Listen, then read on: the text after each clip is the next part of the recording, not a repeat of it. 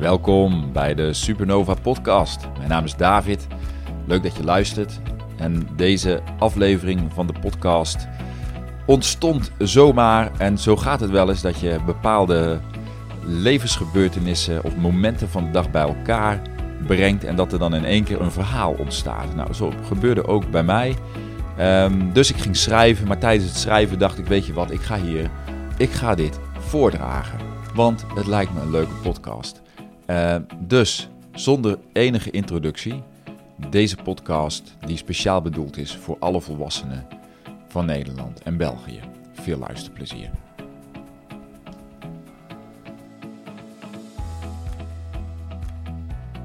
Gele auto!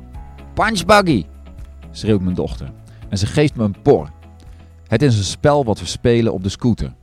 Iedere dag opnieuw. Wie het eerst een gele auto ziet, roept punchbuggy en mag zijn medepassagier een por geven. Gele auto's zijn zeldzaam en daarom is het een leuk spel.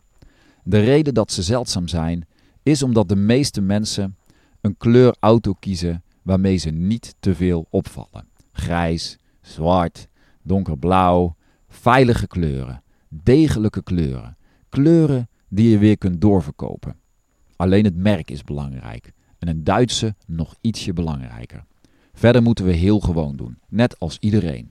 Maar toch, het blijven saaie kleuren, zeker door de ogen van een kind. Alleen gele auto's krijgen een punchbuggy. Maar stel je toch eens voor, alle kleuren van de regenboog op de weg. Dat kan toch niet? Dan komt er vast een regel dat bepaalde kleuren verboden worden, om de orde en veiligheid te bewaren. Of er komt een regel dat alleen bepaalde kleuren in de stad welkom zijn, omdat dat veiliger is voor andere weggebruikers, die anders worden afgeleid door al die kleuren. Zoiets. Nee, dat willen we niet. Beter is om meer van hetzelfde te hebben. Maar dat is een zijspoortje. Waar dit stuk echt over gaat, dat komt nu. Vandaag besefte ik me opeens dat alles, maar dan ook echt alles wat we als mens denken nodig te hebben om geluk te ervaren, altijd al ergens in ons veld aanwezig is. En natuurlijk niet zoals we willen of verwachten met onze mind, want dat is de mindfuck, maar het is er gewoon wel. Net als die gele auto die je alleen ziet als je het spel gaat spelen. En dat is ook het grappige aan het zoeken in het leven. Het zoeken waar ik zelf ook volop aan meedoe trouwens en wat dit stuk ook weer zo ironisch maakt. Het is het cliché van iemand die heel ver weg moest gaan om erachter te komen dat hij echt nergens heen hoeft te gaan. Vooral niet zonder vaccinatie. Maar het is feitelijk wel waar. We hoeven en kunnen nergens heen. Het leven is. En het is een groot spel. Meestal vergeten we dat het een spel is. En zijn we er niet eens bewust van hoe serieus we onze eigen rol op ons nemen en vooral niet hoe serieus we onze mind nemen. En hoe serieus onze mind alles maakt. En ik weet dat ik niet de enige ben. Het echte leven, het waarachtige leven, is in de zon, in de wind, in de adem, in de lach. Het echte leven is in de por, in het zien van die gele auto, in de beleving van een kind. En je hoeft zelf echt geen kinderen te hebben om dit te snappen. Het zit in ons allemaal, want we zijn allemaal ooit kind geweest. Maar we hebben het begraven, we hebben het opgegeven, weggestopt en soms zelfs heel bewust verdrongen. En weer moet ik denken aan dat zinnetje, iets met woorden als de kinderen. Ik begin steeds beter te snappen waar dit over gaat. De reden dat er nog kinderen geboren worden, is om ons te laten herinneren hoe we het leven in zijn puurste vorm kunnen beleven. Ik denk dat we het anders allemaal zouden vergeten. En alle kleur zou langzaam uit de wereld verdwijnen. En er zijn al zo weinig gele auto's.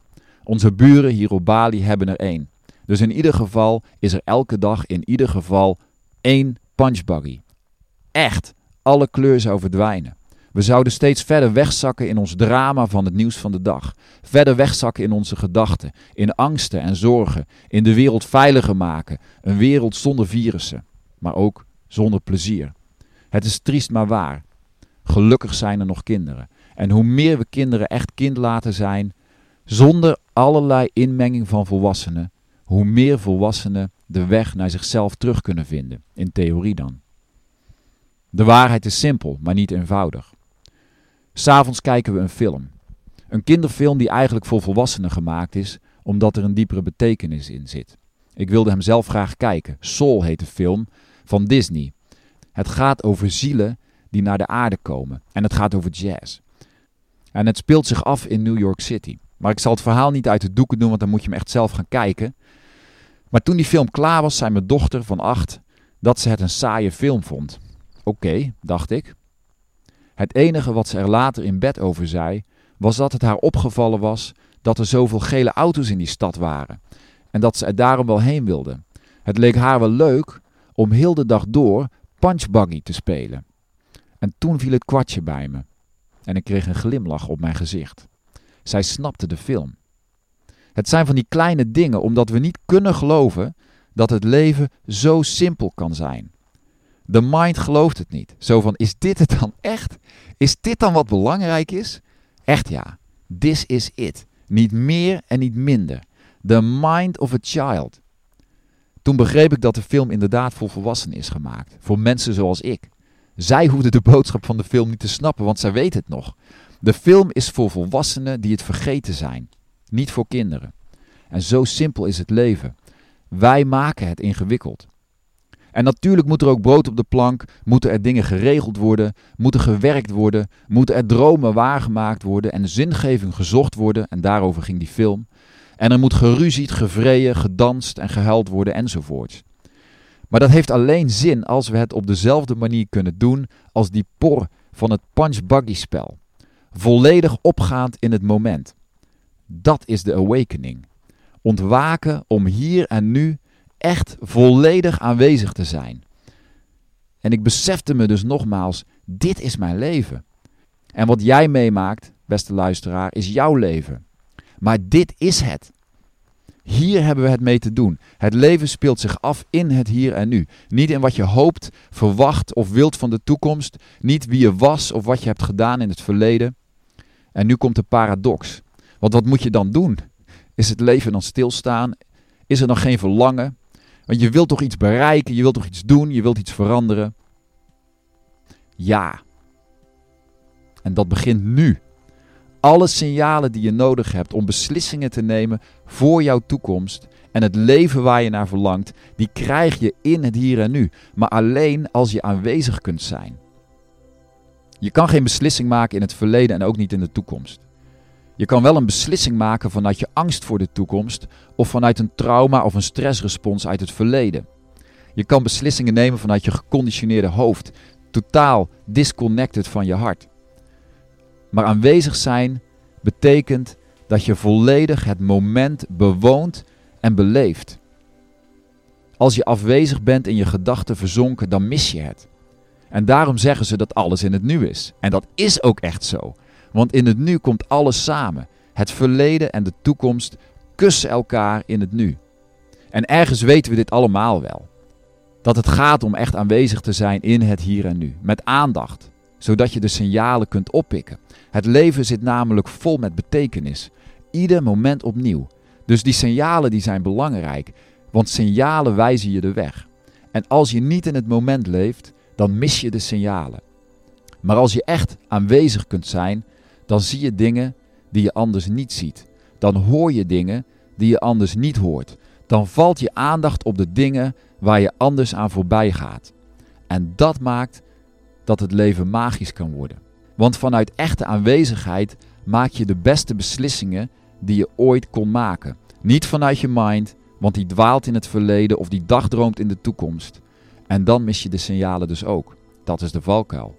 We zijn zo blind geworden in het najagen van onze toekomst met onze doelen en agenda's, met wat we willen vanuit ambitie of juist door onze angsten en onzekerheden, door de hang naar veiligheid of door wat dan ook.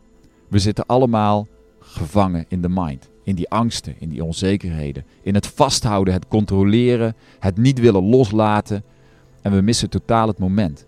Het leven is toch om te leven, niet vroeger en niet morgen. En de boodschap die we nu al een jaar door de speakers horen, is om het leven uit te stellen. Het is zo bizar dat het grappig is. Waarom zijn we dan hier, vraag ik me af. En ik stel de vraag niet alleen aan mezelf, ik stel de vraag aan alle wereldleiders en politici die druk bezig zijn met hun agenda om meer veiligheid en zekerheid uit te rollen, maar wat door veel mensen als controle wordt ervaren. En terecht, denk ik. Ik zou wel een antwoord willen, echt waar. Ik vind eigenlijk dat onze leiders ons dat wel verplicht zijn. Waarom zijn wij hier op aarde? Het is een filosofische en wellicht ook een spirituele vraag, maar ik wil dat ze er een antwoord op geven. En een doordacht antwoord. Laat ze daar maar eens vier jaar over doen. Ik wil in ieder geval dat ze er diep over gaan nadenken en dat ze dan pas beslissingen nemen. Waarom zijn we hier dan? Ik vraag het nog maar eens. Maar ons leven is in een zucht voorbij, zeg ik. Je weet niet hoe lang het duurt. Het gaat trouwens ook niet over de lengte van het leven, alsof een leven, een langer leven, een beter leven is. Het gaat over de kwaliteit. Dat weet iedereen toch, dat is basiskennis. Kwaliteit over kwantiteit. Ik weet wel wat ze hierop kunnen zeggen. Ik snap het allemaal wel. Ik heb alle argumenten al gehoord en ik wil ook geen discussie. Dus ik laat het rusten. En dus sinds deze week speel ik ook mee met Punchbuggy. Het helpt me om meer in het nu te zijn, om meer te connecten met mijn kinderen en met het moment van de dag. Om mezelf en mijn gedachten over de wereld even te vergeten. Om me geen zorgen te maken of ik nog wel mag vliegen zonder vaccin. En ik zeg tegen Ise dat als we ooit een auto kopen, dat het een knalgele zal zijn. Als een boodschap aan alle kinderen en alle volwassenen van de wereld om niet te vergeten waarom we hier zijn. En om het punch buggy spel te spelen.